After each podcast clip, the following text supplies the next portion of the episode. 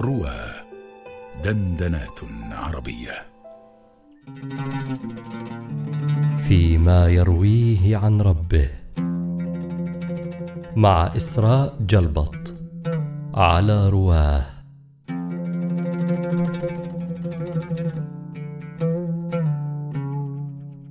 عن أبي هريرة رضي الله عنه عن النبي صلى الله عليه وسلم قال قال الله عز وجل إن المؤمن عندي بمنزلة كل خير يحمدني وأنا أنزع نفسه من بين جنبيه.